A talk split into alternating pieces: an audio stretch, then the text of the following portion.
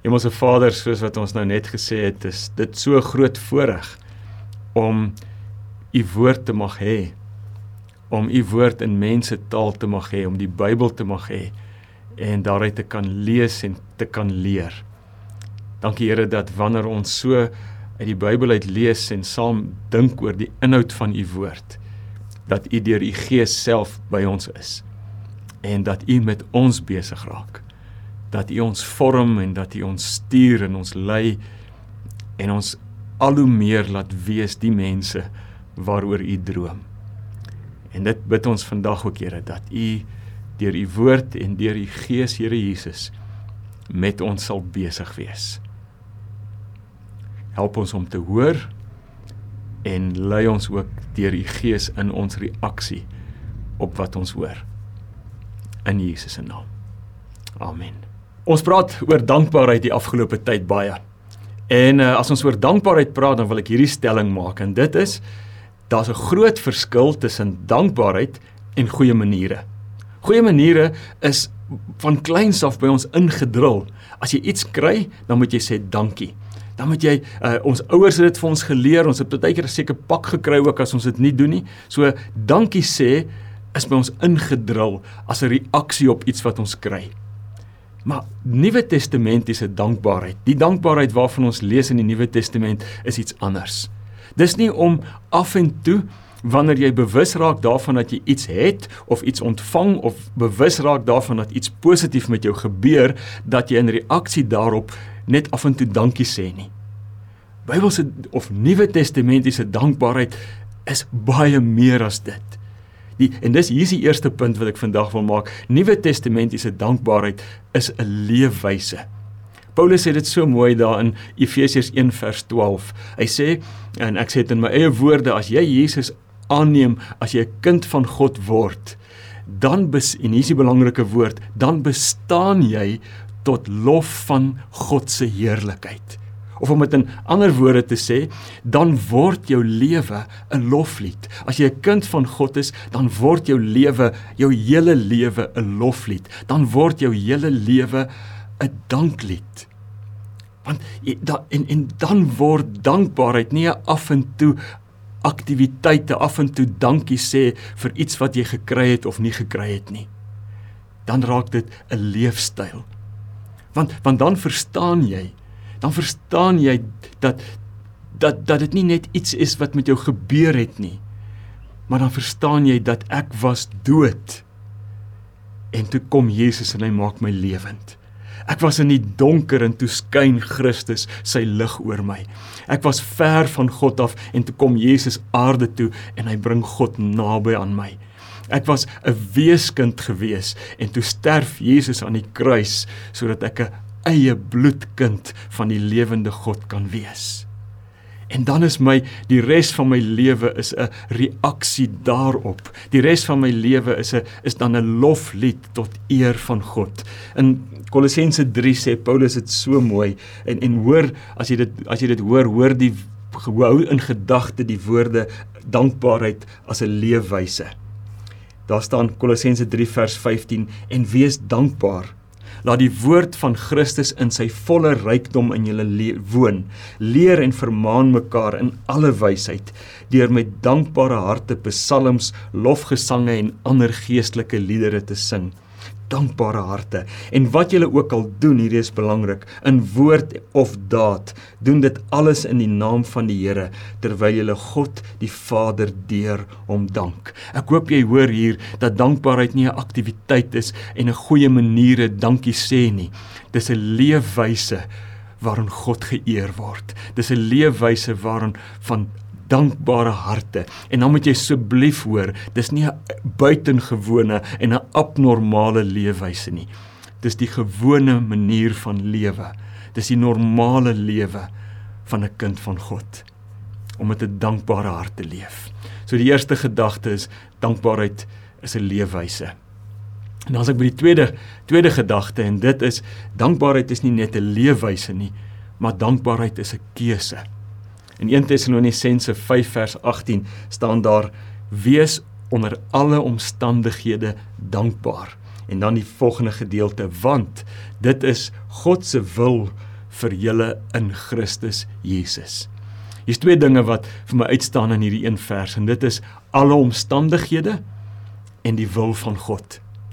Ons sê baie keer en ons vra baie keer vir mekaar. Ons wonder wat is God se wil oor hierdie saak en oor daai saak? Moet ek dit doen of moet ek dat doen? Moet ek links of moet ek regs? Moet ek ry of moet ek bly? Ons vra wat is God se wil? Maar ek dink jy weet dat God het soveel van sy wil al vir ons bekend gemaak. Ons hoef nie so baie te vra wat is sy wil nie, want hy sê vir ons so duidelik wat sy wil is. En hierdie is een van daai gevalle waar God so duidelik vir ons sê, my wil vir julle is dat julle onder alle omstandighede dankbaar sal wees. Dat julle onder alle omstandighede dankbaar sal wees. En nou moet ons net nie hoor as 'n wenk of 'n voorstel nie. Hierdie gedeelte in 1 Tessalonisense 1 is 'n is 'n opdrag So wees dankbaar is in die imperatief geskryf en natuurlik omdat dit 'n opdrag is, veronderstel dit dat ek en jy 'n keuse het. Ons kan anders kies. Ons kan anders kies as om dankbaar te wees onder alle omstandighede. Ons kan die lelike Engelse woord entitlement kies. Ons kan kies om arrogant te wees. Ons kan ons kan kies om om te verwyd. Die Engelse woord resentment sê dit nogal mooi. Ons kan kies om te kla en te kerm en nie of ons kan dankbaarheid kies. Baie interessant ek onlangs eens ontdek dat die Nuwe Testament het nie klaagliedere nie. Daar's nie een klaaglied in die Nuwe Testament opgeteken nie. Ou Testament psalms is vol klaagliedere, maar in die Nuwe Testament is daar geen klaagliedere nie. En ek dink die rede daarvoor is omdat Jesus gekom het omdat Jesus die skeiding tussen ons en God weggeneem het, omdat Jesus God naby aan ons gebring het. Daarom is daar nie klaagliedere nie. Daarom sien ons byvoorbeeld daai pragtige storie van Paulus en Silas in Handelinge 16. Hulle sit daar letterlik om middernag in 'n vuil, vieslike, pikdonker tronk. Hulle lywe is flenters geslaan. Hulle is half dood geslaan. En dan sing hulle. In die middernag in die donker tronk sing hulle. En hulle sing nie klaagliedere nie. Hulle sing lofliedere tot eer van God. En dan staan daar 'n verskriklike mooi ding wat ek eers onlangs raak gesien het en dit is al die gevangenes wat daar in die tronk was het geluister hoe hulle lofliedere sing. En ek is oortuig daarvan as hulle as hulle gekla en gekerm het, soos wat wat eintlik die normale ding sou wees om te doen, sou niemand geluister het nie. Maar lofliedere in die nag, lofliedere om middernag is die suiwerste vorm van musiek. Lofliedere in die nag is is is aangrypend, is onvergeetlik mooi. Dankbaarheid onder alle omstandighede. Ek lees in een van die uh, Trevor Hudson se boeke die verhaal van nie verhaal nie is 'n ware gebeurtenis van 'n man met die naam Pastor Clay Clayspoon. Uh Clay Claypool, Pastor Claypool en sy dogtertjie Laura Lou. Laura Lou het op 10 jarige leeftyd is hy oorlede aan akute leukemie. En nou skryf hierdie pastor Claypool daaroor en hy sê sy lewe het uitmekaar geval. Hy was platgeslaan. Hy was stikkend. Hy hy was kwaad en hy was onder andere kwaad vir God. Hy het God verwyd en hy het hy het vuis in die lug God verwyd vir vir die feit dat sy dogtertjie op 10 jarige leeftyd dood is. Maar toe sê hy later het hy gekies om nie meer op die pad van verwyd, Engelse woord resentment te stap nie. Hy het met byna bonatuurlike innerlike krag het hy besluit om die dankbaarheidsvraag te vra en te antwoord. Hy het gevra en ek wil vir jou lees in sy eie woorde. Hy het gevra Wie was Laura Lou regtig? Sy was 'n geskenk. Nie iets wat ek gemaak het en daarom die reg het om daaraan vas te klou as my besitting nie. Sy was 'n kosbare skat wat altyd aan iemand anders, iemand met 'n hoofletter, anders behoort het. Sy was deel van my lewe alleenlik deur die genadige vrygewigheid van daardie een. En dan gaan hy aan deur te sê ek kon kies om kwaad te wees dat Laura Lou na net 10 kort jare gesterf het. Of ek kon dankbaar wees dat sy hoegenaamd geleef het en dat ek kon deel in die wonder wat sy was. Ek het toe gekies en ek kies nog steeds om te stap op die pad van dankbaarheid. Jy sien lofliedere in die pikdonker nag is die mooiste musiek. Dis aangrypend. Dis onvergeetlik. Dankbaarheid, 'n lewe van dankbaarheid is 'n keuse. En dan is ons by die derde ding. Dankbaarheid het ons gesê is 'n leefwyse. Dankbaarheid is 'n keuse, maar dankbaarheid is vrygewigheid. Ek weet nie van jou nie, ek voel baie keer skaam daaroor, maar ek sien mense wat arm is. En ek sien mense wat sukkel en ek sien mense wat swaar kry. En dan wanneer ek dit sien, dan bid ek baie keer en ek sê, Here, so dankie dat ek nie so arm is nie. Here, so dankie dat ek nie so sukkel nie. Here, dankie dat ek nie so so swaar kry nie. En dan voel ek so bietjie beter. Maar weet jy, dis nie dankbaarheid nie. Dis nie die dankbaarheid waarvan die Nuwe Testament praat nie. Die dankbaarheid waarvan die Nuwe Testament praat is vrygewigheid. Of kom ek kom ek sê dit anders, die vrygewigheid vrygewigheid vloei natuurlik voort uit 'n lewe van dankbaarheid. Ons ons lees dit so mooi raak in in 2 Korintiërs 8 daarvan vers 1 tot vers 5. Daar staan Paulus skryf van die Korintiërs en hy sê broers en susters, ons wil hê julle moet weet van die genade wat die gemeentes in Macedonië ontvang het. Al was hulle swaar beproef deur verdrukking. Hulle is onderdruk, hulle is mis, hulle is vervolg. Hulle blydskap was oorvloedig. En as al was hulle baie arm, hulle was ryk in hulle oorvloedige vrygewigheid. Ek verseker julle, hulle het na vermoë, ja bo vermoë bygedra. Uit eie beweging het hulle by ons daarop aangedring om te mag deel in die liefdeswerk van hulpverlening aan die gelowiges in Judea. Dit was meer as wat ons verwag het, want eers het hulle hulle self aan die Here gegee en toe aan ons. En dan hierdie woorde het jy al gehoor. Dit is soos God dit wil. Vrygewigheid is God se wil sien hierdie hierdie gemeente hierdie gedeelte leer vir ons 'n paar dinge en ek nie tyd om by alles stil te staan nie, maar een van die dinge wat dit vir ons leer is vrygewigheid is nie die alleen verantwoordelikheid en die alleen voorreg van ryk mense nie.